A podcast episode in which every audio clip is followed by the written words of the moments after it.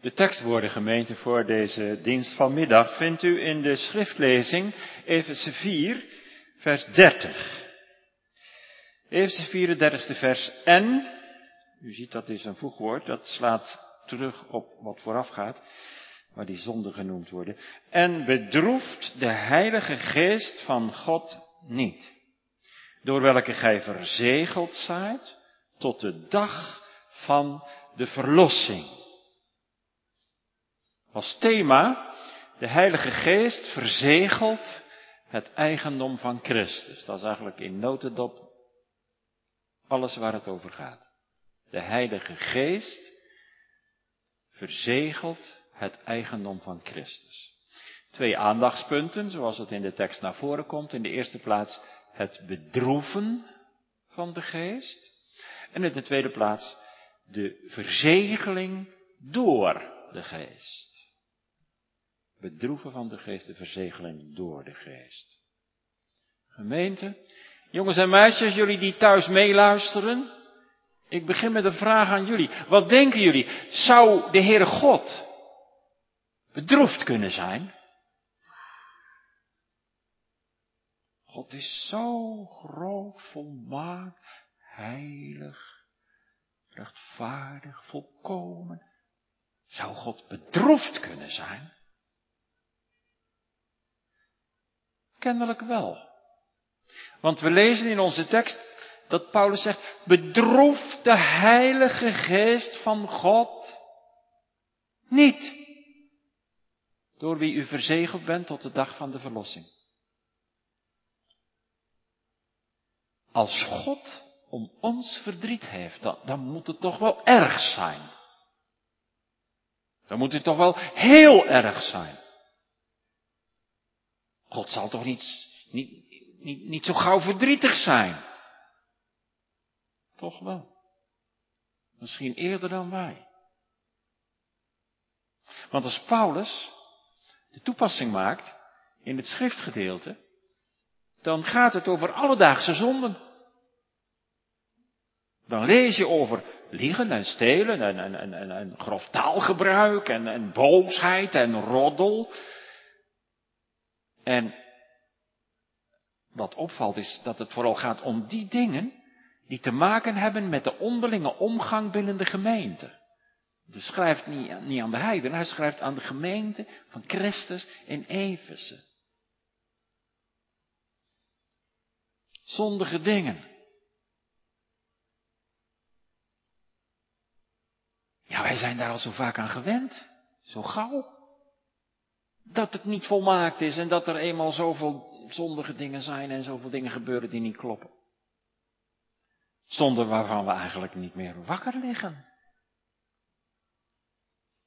En daarom dat woordje bedroeven, lupijn in het Grieks, dat, um, dat is misschien wel een beetje zwak zelfs vertaald. Ja, droefheid is erg. Maar je kunt het nog uitdiepen, want dat woord betekent ook echt iemand pijn doen. Iemand grieven. Iemand diep kwetsen. Ergeren, lastigvallen, tegenwerken, hinderen. Wat betekent het allemaal? Kunnen wij de Heilige Geest hinderen, bedroeven, tegenwerken? Ja, dat kan. En als je de geest bedroefd maakt en kwetst, Dan zal hij zeker wel zeggen, nou weet je, dan bekijk je het maar hoor. Dan ga ik niet verder. Dan vertrek ik weer wel. Dan blijf ik echt niet in jouw hart. Gelukkig is dat niet waar. Dan zou er niemand zalig kunnen worden. Nee, dat maakt nu de genade van de Heere God juist zo groot. De geest wil blijven in je hart ook als je zonde doet en al merk je dat niet eens. Hij zorgt ervoor dat je bewaard wordt, zegt Paulus tegen de gelovigen in Efeze, tot de dag van de verlossing. De dag dat de Heer Jezus komt. Ondanks alle bedreigingen, hij waakt over je leven, schrijft Paulus. Hij bewaart zijn eigendom. Hij bewaart het eigendom van Christus. Dan kun je niet meer uitvallen uit de genade.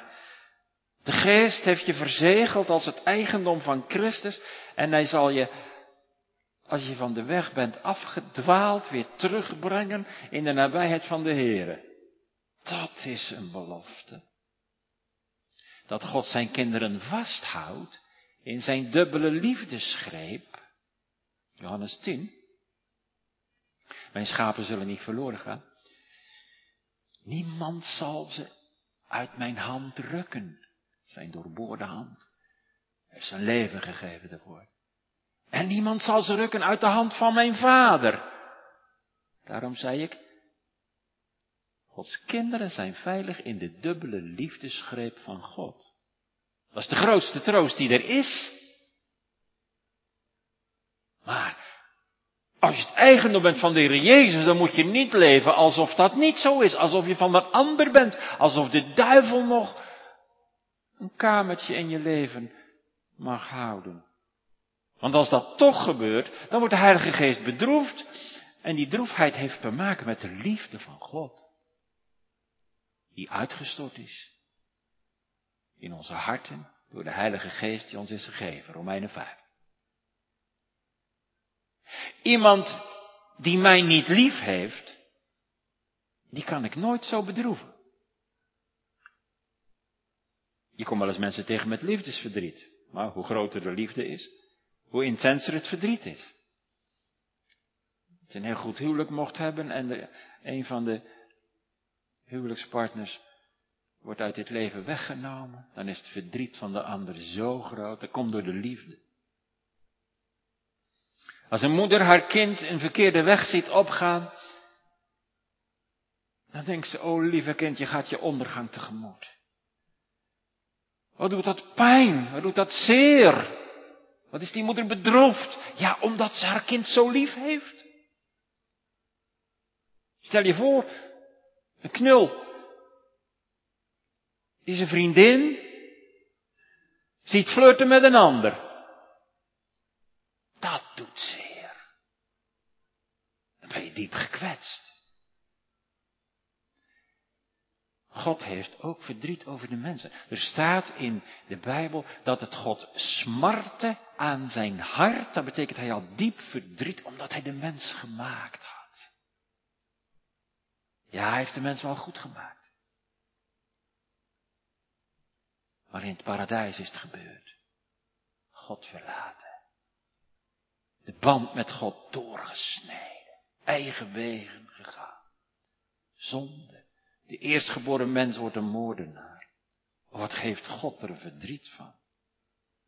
Zoveel verdriet. Vanwege de zonden die mensen doen. De Heilige Geest heeft een speciale band met de gelovigen. En omdat er liefde is, kun je dan de geest bedroeven. Hoe? Nou, dat is helemaal niet moeilijk. We hebben gelezen uit Efeze 4. Ik zal een paar, vijf dingen staan er. Heel duidelijk waardoor je de Heilige Geest bedroeft. Dat halen we zo uit het teksthoofdstuk. Wij bedroeven de Heilige Geest in de eerste plaats door te liegen. Vers 25. Als je gelooft in de waarheid, evangelie van de Heer Jezus, dan kun je toch niet meer langer leven in, in, leugen en bedrog. En als je dat toch doet, als je daarin valt, dan bedroef je de Heilige Geest. We bedroeven de Heilige Geest door boos te blijven. We zeggen wel eens boos worden is menselijk, boos blijven is duivels. Nou, dat is ook zo. Je kunt wel eens terecht boos zijn. Maar boos blijven is niet goed. Het moet uit de weg geruimd. Anders komt er wrok in je hart. Een verkeerde gezindheid ten opzichte van je naaste, ten opzichte van een medegemeentelid. Dat past toch niet bij een kind van God? Daar past vriendelijkheid bij en vergevingsgezindheid.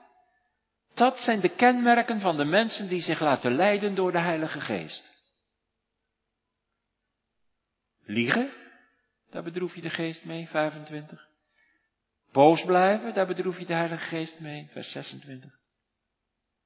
Je bedroeft de Heilige Geest ook door de duivel een plaats te geven, vers 27. Wat wordt daar nou mee bedoeld? Duivel een plaats te geven. Nou, misschien hebt u dat mooie boek wel eens gelezen. Van uh, Bunyan. De Heilige Oorlog. Koning Shaddai.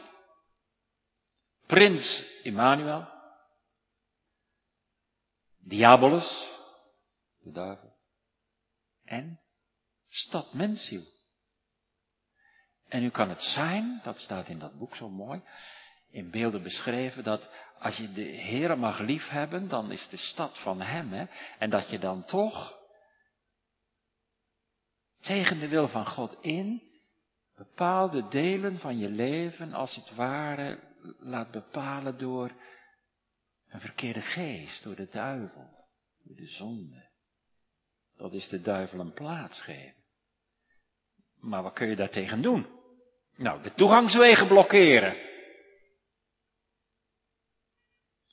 Twee poorten waar hij door naar binnen komt zijn in ieder geval de oogpoort en de oorpoort. En die moet je, zegt de Bijbel, afsluiten voor de duivel. De duivel geen gelegenheid geven om binnen te komen. Door verkeerde films te bekijken, games te spelen, goddeloze muziek te beluisteren, door je woorden we kunnen de geest juist verblijden door al die dingen, door met al die dingen te breken. En dat de duivel de aftocht moet blazen. Vliet van de duivel. Wedersta de duivel en hij zal van u vluchten. Liegen, boos blijven, de duivel een plaats geven. In de vierde plaats kun je de geest ook bedroeven door te stelen. Stelen kun je op allerlei manieren. Ook door op de grote voet te leven, e-, ecologisch. En economisch. Want de armen zijn de dupe altijd. Dat is ook stelen.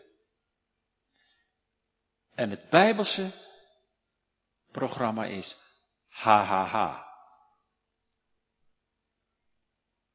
Dat mag je niet. En DDD, dat moet je wel doen. En u weet wel wat dat betekent. Ha, ha, ha. Halen, hebben en houden. En je naaste laten verkommeren. Nee, een christen is voor DDD. Danken, dienen en delen. Niet stelen, maar delen. Dat is de Heer wel behagelijk. Word je zelf ook vrolijk van. En dan nog één. Het vijfde, waar je de geest mee bedroeven kan. Dat is met je woorden, vers 29. Vuile praat. Kwaadspreken. Roddelen. Welke taal spreek je op het schoolplein? Jongens en meisjes onder je vrienden, op Facebook, onder je collega's. Zie je? Zo bedroeven we de Heilige Geest, zegt Paulus. Die zonden raken niemand harder dan de Heilige Geest. Als je liegt, als je vuile moppen tapt en erom lacht, en grof bent in je mond en lelijk doet tegen elkaar. Binnen de gemeente, daar gaat het hier over. Wat kunnen woorden messcherp zijn. En gevoelens van bitterheid oproepen. En als je dat vasthoudt, die bitterheid, dan voel je je heel ongelukkig. En je kwetst de ander ermee. En weet je wat er dan gebeurt? Dan trekt de Heilige Geest zich terug uit je leven. Hoe kan hij nu wonen in een hart waar zoveel onheilig vuur brandt? Er zijn natuurlijk ook andere zaken die Paulus hier niet noemt, waar je de geest mee kunt bedroeven. Dat is door je blijdschap te vinden niet in God, maar in iets anders. Kunt overal teksten bij zoeken. Door geen zin meer te hebben om te bidden en in de Bijbel te lezen. Door liefdeloos gedrag binnen de gemeente. Wie tegen zijn broeder zondigt, die zondigt tegen Christus. En door het licht dat de Heer gaf en liet opgaan in je hart niet uit te stralen. En de Heilige Geest zal die droefheid ook laten blijken. Want dan krijg je een uitgeblust leven. Je gaat zijn leiding, zijn liefde, zijn kracht missen. Je verliest de vrede in je hart. Ook al kunnen Gods kinderen de zaligheid niet verliezen, zij kunnen zich wel door God verlaten voelen. En als dat zo is, misschien herkent iemand zich. En zegt, ja, maar het gaat over mij. Vroeger was het zo goed en, en nu? Och, waar zal ik nog belanden? Wat moet je dan doen? Terug. Terug naar de Heer, terug naar de bron. Naar de bron van de genade, Jeremia 2, vers 13, daar staat, want mijn volk heeft twee boosheden gedaan. Mij, de springader van het levende water, hebben zij verlaten om zichzelf bakken uit te houden, uit te hakken. Als je in Zwitserland geweest bent of Oostenrijk, daar zie je ook in de Alpenweide wel van die, van die bakken staan, die zijn uit steen uitgehakt om om te drinken. Ze hebben zichzelf bakken uitgehouden, gebroken bakken, er zit een scheur in, die geen water houden. We moeten terug naar de Heer, naar de Heer Jezus, naar het levende water, om bij Hem genade te vinden en vergeving. In gemeenschap met Hem keert de rijkdom van de geest weer terug. Verlangt u daarnaar? Zegt u, ja, het is, het is fout gegaan in mijn leven. Heer Jezus zegt tegen een van zijn gemeenten, weet je wat het erge is? Je hebt de eerste liefde verlaten.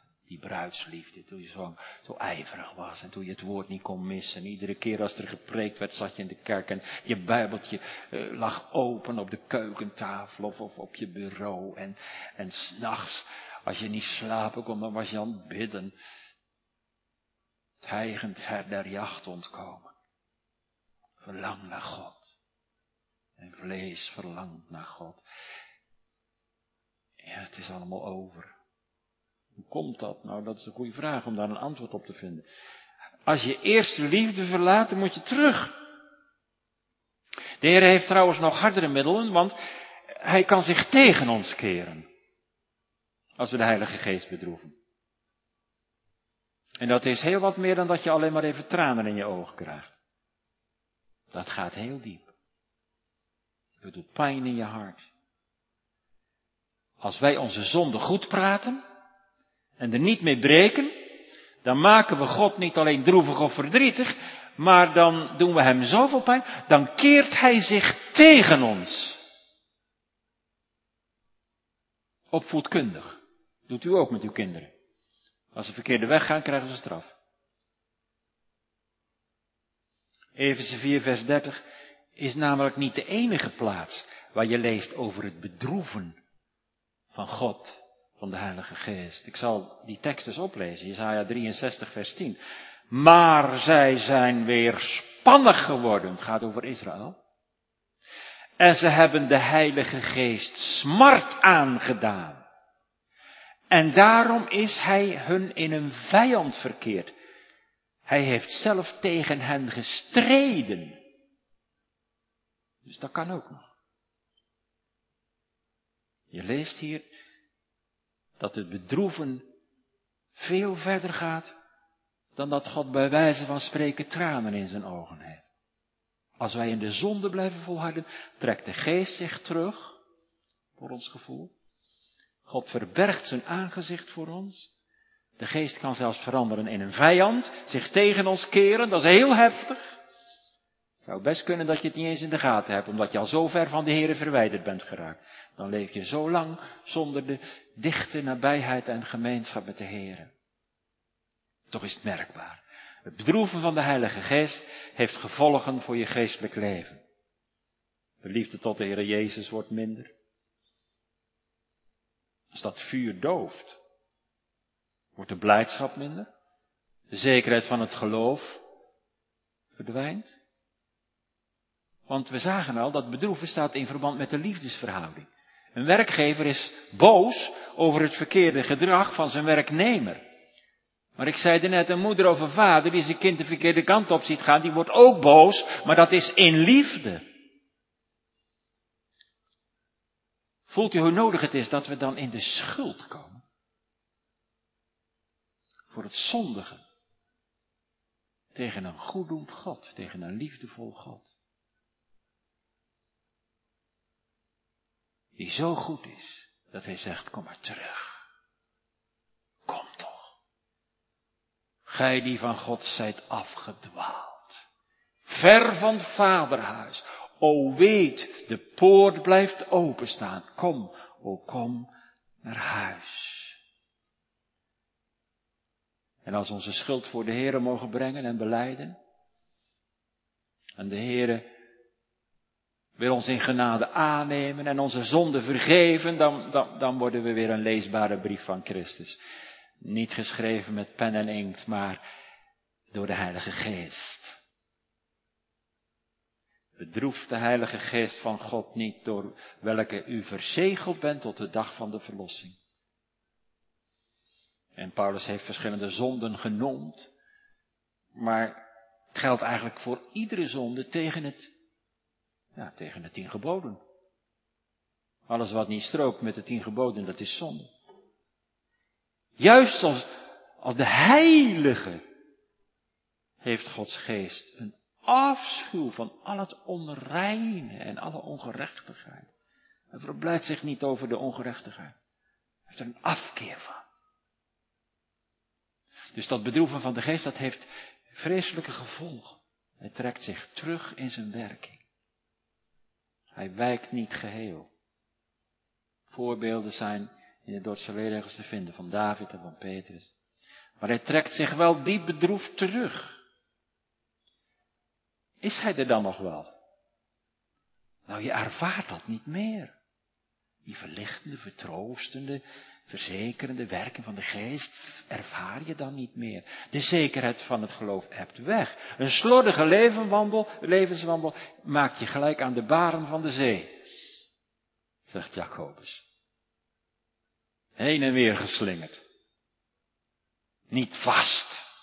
Niet stabiel.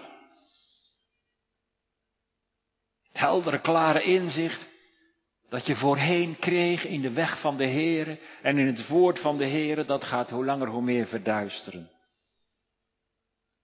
De Bijbel geeft geen licht meer over je dagelijks leven, waarvoor je de Heere vroeger zo nodig had bij het nemen van een beslissing.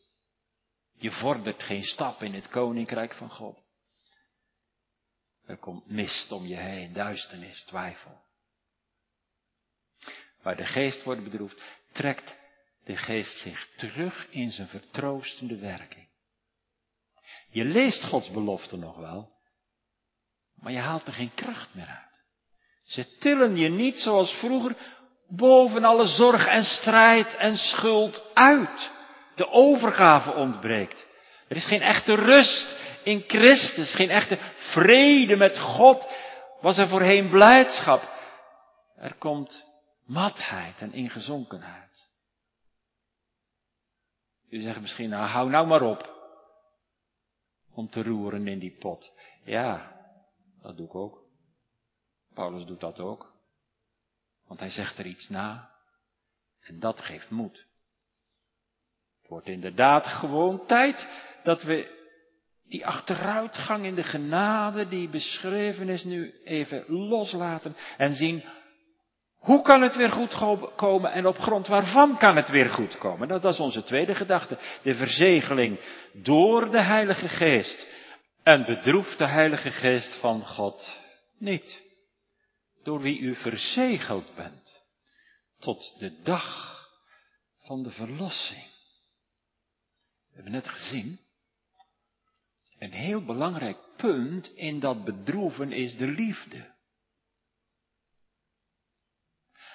Als God mij lief heeft en zijn liefde heeft uitgestort in mijn hart, door de Heilige Geest die is gegeven, en ik doe zonde, dan bedroef ik de Heilige Geest. Waarom? Omdat hij mij lief heeft. Vanwege de liefde. Anders zou het gewoon hart tegen hart gaan. En dan zou de Geest zeggen, ik verdwijn. Maar vanwege de liefde houdt God je vast. U kent vast wel die, die uitdrukking. Tegen een goeddoend God gezondigd. Dat is echt zo'n zo'n term, maar het is wel helemaal waar. Dus het betekent veel. Tegen een goeddoend God gezondigd. Dat betekent, je ziet je zonde in het licht van Gods liefde. Van het offer van de Heer Jezus. Dat doet pijn. Dan ga je door de mand. Dan verbreekt je hart. Verbrijzelt je hart. Tegen een goeddoend God gezondig. Kijk, dat heeft alles te maken met bedroefde Heilige Geest van God niet. Want, en dat is waar Paulus nu op wijst, de Geest heeft Gods kinderen, zegt hij, hij spreekt tegen gelovigen, verzegeld tot de dag van de verlossing. De Heilige Geest voorziet hen van een eigendomsmerk. Christus merkt hen door zijn geest tot zijn persoonlijk eigendom. Dat doet God door zijn geest te geven in hun hart. Een zegel. Dat wordt ergens opgezet of ingedrukt als een teken dat iets heel waardevol is. Als, het, als iets wordt verzegeld, het zegel wordt erop gezet, daardoor vermeerdert niet de rijkdom van datgene wat verzegeld is, maar die rijkdom wordt erkend, bevestigd. Het betekent, daar moet je zuinig op zijn.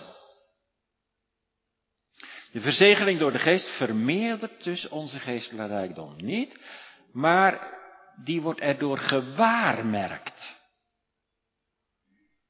Je gaat de rijkdom ervan zien. Je wordt ervan verzekerd. Wie de Heere lief heeft, die mag voor zichzelf het waarmerk zien, ontvangen, dat zijn geloof uit God is. God zet niet een stempel op je geloof, maar op zijn eigen werk. Het is uit God, dat laat de Heer zien. En dat je een kind van God bent. De geest, Romeinen 8, vers 16. De Heilige Geest getuigt met onze geest dat we kinderen van God zijn. Dat kan zo bestreden zijn. Zeker als je in de zonde valt. Denk je, ja, ik voel het niet meer. Dat God dichtbij me is. En waarom doe ik dat nou? God heeft me gereinigd en als ik het goede wil doen, zegt Paulus, dan ligt het kwade mij bij. Dat is echt de strijd. De strijd van het geloof, de strijd tegen de zon. En dan is het de geest. Kijk, de duivel zegt, ja, nu ben je gevallen. Nu is het te laat. Nu kun je niet meer terug. Houd hem je op. En de geest getuigt met onze geest dat we kinderen van God zijn. Want die geest heeft ons leren roepen, Abba Vader. Het staat eraan voorafgaand. Die drukt als het ware het waarmerk af in je hart van dit werk is uit God. God heeft je aangenomen tot zijn geliefde kind en erfgenaam. En dat geeft blijheid, vreugde, vrede, vrijmoedigheid om te getuigen. De geest getuigt in je hart dat je door Christus gekocht bent, door zijn dierbaar bloed en zijn eigendom, en dat hij je tot bekering heeft gebracht en tot geloof, dat alles is genade, en dat wij op grond daarvan hem toebehoren. De Heilige Geest, waarvan ik net zei, die bij de wedergeboorte zijn intrek neemt in je hart, die gaat van binnenuit werken. Je lijden, je troosten, ontdekken, vermanen, verzekeren, vernieuwen, heiligen. En je toerusten voor de taak die je hebt in deze wereld. Want dat is het doel van de heiliging. De eer van God, maar ook dat anderen zien hoe goed God is. Nou, als je dit nou gehoord hebt, is het dan nog nodig om te zeggen hoe je dat weet? Hoe je dat ervaart? Hoe weet ik nu dat ik het zegel van de geest heb? Is dat een bijzondere ervaring? De verzegeling van de geest, soms wordt dat wel zo gezegd. Dat is een extra gave, dat is iets heel bijzonders. Die, een genade die geldt niet voor alle gelovigen, maar voor een enkeling, een witte raaf die God daarvoor uitkiest. Een soort second blessing, een, een tweede zegen. Bijzondere weldaad. Die sommigen van Gods kinderen wel hebben en anderen niet. Is dat waar? Nee, dat is niet waar. Dat staat nergens in het. Natuurlijk kun je als gelovige bijzondere ervaringen van de Heer krijgen. Natuurlijk kan de Heer zijn werk verzegelen en verzekeren en, en, en dat je volop in het geloof mag staan en bergen mag verzetten, maar dat wordt niet bedoeld met dit woordje verzegelen. Je bent verzegeld door de geest. Eh, we moeten even terug naar hoofdstuk 1, vers 13. Daar staat ongeveer hetzelfde, dat de gelovigen verzegeld zijn toen ze tot geloof kwamen. Dat is een uitdrukking van gelijktijdigheid. Nou, u slaat de Bijbel terug en u zegt, ja, maar er staat nadat gij geloofd hebt. Ja, dat staat inderdaad in de Statenvertaling. En dat mag u echt laten staan. Maar het betekent op het moment dat u tot het geloof kwam. Het is een aoristus in het Grieks. En dat wijst erop op het moment dat de lezers van de brief van Paulus tot het geloof kwamen. Op dat moment dat ze tot geloof kwamen, ontvingen ze vergeving van zonden en eeuwig leven. Of ze daar zo rijk uit mochten leven op dat moment, dat God oefent zijn kinderen in het geloof. Er zijn zoveel dingen waar je heel je leven doet om het te leren. Maar je ontvangt de geest. Dat is een werkelijkheid, dat is een geloofswerkelijkheid. En dat staat niet los van wat de Heer Jezus verdiend heeft, van het, van het geloof in de Heer Jezus. Als Paulus schrijft aan de Efeziërs dat ze verzegeld zijn met de Heilige Geest, dan bedoelt hij dus niet een, een nadere weldaad of, of, of iets bijzonders. Maar al Gods kinderen zijn verzegeld met de Heilige Geest. De kleinen in de genade, de meer geoefenden in de genade. Het gaat om gewone mensen, gewone gelovigen. Ook de mensen die zeggen, oh, ik geloof Heer, maar kom toch mijn ongeloof te hulp. De beleidenis zegt precies hetzelfde. Ja, die spreekt de schrift na, artikel 22 van de geloofsbeleidenis. Wat is de kerk? Dat is een heilige vergadering van ware christgeloven, mensen die in Christus geloven. En dan staat er gewassen door Jezus bloed Geheiligd en verzegeld door zijn Heilige Geest. Dat is de kerk. Dus dat die kerk is niet mensen die wedergeboren zijn en die misschien later dat nog mogen meemaken, maar misschien ook niet, maar ze worden wel zalig. Nee, we moeten gewoon de beleidenis naspreken, de Bijbel naspreken. Waarom zeg ik dat zo? Omdat hier misverstanden zijn.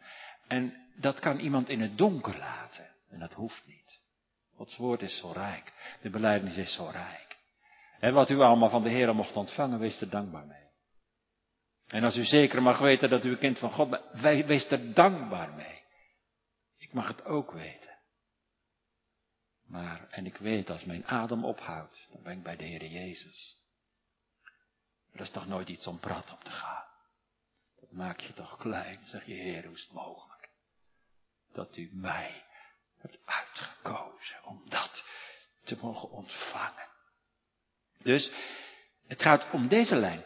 Horen van het woord, geloven van het woord en verzegeld worden. Daar ligt niets tussen. Dat betekent de waarheid van het woord wordt door de geest geschonken in je hart. En dan gaat het zijn kracht doen. Dat is geloof. De kanttekening zegt heel mooi. Verzegering van de geest hangt samen met het geloof. De geest zet zijn zegel op ons hart dat we in Christus geloven, om zo ons meer en meer te verzekeren van de uitvoering van zijn beloften. En zo leert de geest geloven in het woord van Gods belofte. En hij maakt dat tot waarheid in het binnenste. Dat noemen wij de toepassing. De toepassing van het woord. Dan gaat het woord kracht doen in je hart. Dan word je erdoor geraakt. Dan gaat er een verzekerende werking van uit. Geloof en zekerheid en de Heilige Geest zijn niet van elkaar te scheiden. En zo brengt de Geest tot de overtuiging, deze God is onze God, eeuwig en altoos. De apostel had ook kunnen spreken over de inwoning van de Heilige Geest. Die begint bij de wedergeboorte, zo doet op andere plaatsen. En laten we het samen nog eens lezen, dat Efeze 1 vers 13. Want het is toch wel belangrijk dat je de leer verstaat. 1 vers 13. In welke gij ook nadat gij het woord der waarheid, namelijk de evangelie uw zaligheid gehoord hebt, in welke gij ook nadat gij geloofd hebt, hè, toen u tot geloof kwam, zijt verzegeld geworden met de heilige geest der belofte. Ik zal het niet moeilijk maken, maar probeer uit te leggen. Heer staat verzegeld met de Heilige Geest. Dan is de Geest zelf het zegel. In onze tekst, Efeze 4 vers 30 staat, verzegeld door de Heilige Geest. Dan is de Heilige Geest niet het zegel zelf, maar God verzegelt de inhoud van zijn woord voor mij, doordat de Heilige Geest het toepast, kracht bijzet in ons hart. Kijk, een schaap dat het, dat, dat eh, het stempel draagt van de eigenaar, wordt daardoor gewaarmerkt van dat schaap is van die en die. Het onvervreemdbare eigendom van zijn baas. Het eigendomsrecht, het certificaat van echtheid. Het gaat hier over de gelovigen in Christus Jezus. Het gaat niet om een uitwendig teken. Door de Heilige Geest. Dat betekent, de Heilige Geest doet iets. De Heilige Geest waarmerkt allen die in Christus geloven. Als een garantie dat ze het onvervalste eigendom van Christus zijn. Die heerlijke wetenschap drukt de geest af in je hart. Dat gaat gepaard met het geloof in de Heer Jezus. Het geloof groeit, dat moet oppassen, dat begint als een klein grasprietje, maar dat moet groeien. De korenhal, vrucht gaan dragen dan mag je zeker weten dat je aan wie je toebehoort. Namelijk aan de drie enige God. Dat is het werk van de geest. In het hart van de gelovigen. Die mogen zeggen, Abba Vader. U alleen, u behoor ik toe. Lieve zaligmaak, u kocht mij door uw bloed. Dat weet ik, door het getuigenis van de geest in mijn hart. Je mag Christus omhelzen. Ook artikel 22 van de geloofsbelijdenis. Het ware geloof omhelst Christus. Trekt hem naar, je, naar zich toe. Dank u, Heere, dat ik van u mag zijn. Dat gebeurt natuurlijk niet maar één keer in je leven. Dat zou uh, erg zijn. Dan zou je daar heel je leven aan moeten teren. Gelukkig niet. Stel ik eens weer opnieuw. Uh, dat begint als je tot geloof komt. Er is geen geloof zonder verzegeling, geen christen die niet verzegeld is door de Heilige Geest, maar door de oefening van dat geloof, het groeien van het geloof, het opwassen daarvan, leer je hoe langer hoe meer de waarheid daarvan, de zekerheid daarvan. Dat is een, een, een doorgaande lijn die de Heere gebruikt in het leven van zijn kinderen. Een doorgaande zaak. Telkens weer overgeven. Het beoefenen van het geloof.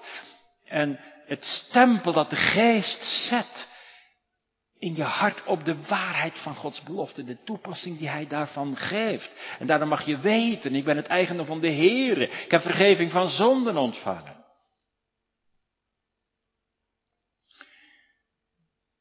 De kanttekening zegt nog iets moois, dat wil ik u niet onthouden. Er staat namelijk, de geest drukt het evenbeeld van God op de gelovigen. Dat is mooi. In Efeze 1 vers 13 wordt de wedergeboorte genoemd en de vernieuwing naar Gods beeld in ons, waardoor we verzekerd worden van de uitvoering van Gods belofte. die wedergeboorte wordt hier gebruikt in ruimere zin. wij gebruiken het woordje wedergeboorte vaak als levendmaking. Dat, dat zeggen de Dordtse leerregels allemaal zo en dat is prima. Maar Calvijn en, en de Bijbel gebruiken heel vaak het woordje wedergeboorte als heiligmaking. De de ruimere zin. Zo word je herkenbaar als een kind van God en zeker van de erfenis. Kijk, en dat volgt nou op onze tekst. Dat, dat staat daarna, in vers, het laatste vers bijvoorbeeld. Zijt jegens elkander goeder, tieren, warmhartig, vergeven elkander. Gelijkerwijs ook God en Christus jullie de vergeven heeft. Dan is het beeld van Christus in de gelovigen afgedrukt. Wat een rijkdom. Bedroef de Heilige Geest niet als een vermaning. Door wie u verzegeld bent tot de dag van de verlossing. Ja, dat is het laatste, daar eindig ik mee. De dag van de verlossing. Wanneer is dat? Uiteindelijk is dat de opstanding uit de dood. De verlossing uit de dood. Het dood zijn. Dat begint als je sterft. En dat eindigt als je opstaat bij de opstanding der doden. Natuurlijk is er een verlossing in dit leven dat Christus, de verlosser, je verlost door zijn bloed. He, ellende, verlossing, dankbaarheid. Nou, die verlossing dat gaat over uh, de vrede met God, vergeving van zonden. Uh, dat je je zonde beleidt en dat je vergeving krijgt en dat je voor God wil leven. Dat, dat is de verlossing. Maar de grote, volle verlossing waar Paulus het hier over heeft, van God houdt ze vast, God, God geeft veiligheid, God bewaart tot de dag van de verlossing. Bewaart zijn kinderen, ze kunnen niet meer verloren gaan. Tot de dag van de verlossing. De volle verlossing die nog komt. Terwijl nu nog veel strijd en gebrokenheid is en Paulus zegt het goede, als ik het goede wil doen, ligt het, ligt het kwade mij bij. Maar de geest staat er garant voor dat de volle verlossing mijn deel zal zijn. De geest is de waarborg, het onderpand dat wordt ook na die Efeze 1 vers 13 genoemd. De, het onderpand, de verkregen verlossing is de opstanding. Maar het onderpand, nu zuchten we nog met de schepping, onder de dienstbaarheid aan de verderfenis. Maar de bewijzen van de komende verlossing zien we nog niet, maar ze zijn er al wel. Want de geest is het onderpand de eerste lingen van de geest. Het voorschot op de erfenis. Door de geest die in je hart woont, krijg je de voorsmaken van de erfenis. Zoals die mensen, die verspieders, die naar Eskel gingen en daar die druiven hebben gezien. Jongen, jongen, wat een vruchtbaar land. Wat een geweldig land. Ja, die tien verspieders, die, eh, die, die geloofden niet. Die verduisterden alles. Die zeiden, we komen er nooit. Maar dat was ongeloof. Maar die twee, Jozua en Caleb, ze zeiden, kijk eens naar die druiven. De druiven uit Eskel. De eerstelingen van de geest. De, de, het onderpand. En proef eens. Heerlijk. Zo zal het zijn in dit beloofde land. Wat God ons heeft beloofd. Je krijgt weer smaak in het woord. Je bidden gaat hoger dan de plafond. Je honger naar Christus wordt verzadigd. De blijdschap breekt door. De vrucht van de geest geeft voorsmaak op de heerlijkheid. van de komende erfenis. Denk nog even naar die druiventros. Al die druiven, proef ze maar. Het is één tros. Liefde, blijdschap, vrede, langmoedigheid, matigheid. Al die facetten van de geest. De voorsmaken. De volle erfenis, de definitieve verlossing komt als Jezus komt. Ja, elk hunner zal in het zalig oord van Sion haast voor God verschijnen. Is er iemand die zegt, ik heb de geest bedroefd, of kan ik de geest wel bedroeven? Want je kunt alleen de Heilige Geest bedroeven als de liefde van God in je hart is. Dus als je niet gelovig bent, dan kan je niet eens de geest bedroeven. Ja, je bedroeft God door je zonden hoor. Daarom smart het de Heer dat hij de mens gemaakt had. Maar hier specifiek, tegen gelovigen gezegd, een zonde die Gods kinderen kunnen doen. De Heilige Geest bedroeven. Maar als je zegt van ja, maar het was uh, allemaal waar, dominee, maar wat, wat, wat heb ik er nou aan? Want ik vrees God niet, dat is erg. Dat is vreselijk. Dat hoeft zo niet te blijven. Weet u waarom niet? We gaan even naar het moment dat de Heer Jezus op de Olijfberg staat en kijkt naar Jeruzalem. Daar ligt de stad. Daar lopen die priesters, die schriftgeleerden, die fariseeën, die joden. Ze doen de wet. En dan krijgt hij tranen in zijn ogen, is hij zo bedroefd. Dan gaat hij snikken van droefheid. En tegen die, en over die onbekeerde mensen zegt hij, O Jeruzalem, hoe menigmaal heb ik u willen bijeen vergaderen, zoals een hen haar kuikens onder haar vleugelen, veilig, maar jullie hebben niet gewild. Och dat je toch heden bekent, wat tot je zaligheid dient. Zijn armen zijn uitgebreid tot u, die zegt, ik ben nog geen kind van God. En ik verlang er eigenlijk ook niet zo naar. Je weet niet wat je mist, lieve mensen. Je bent zo gelukkig als je de Heere Jezus mag kennen en je zonden vergeven mag zien. Dat is een pak van je hart. Ja, maar het drukt niet. Voel het niet als een pak. Dan zeg ik het u nu. En dat is de waarheid. En God zegt, geloof mijn heil en troostrijk woord. Laat u leiden. Weersta de Heilige Geest niet. Dat kan een ongelovige doen. De geest wederstaan. Zoals bij de, bij de steniging van Stefanus.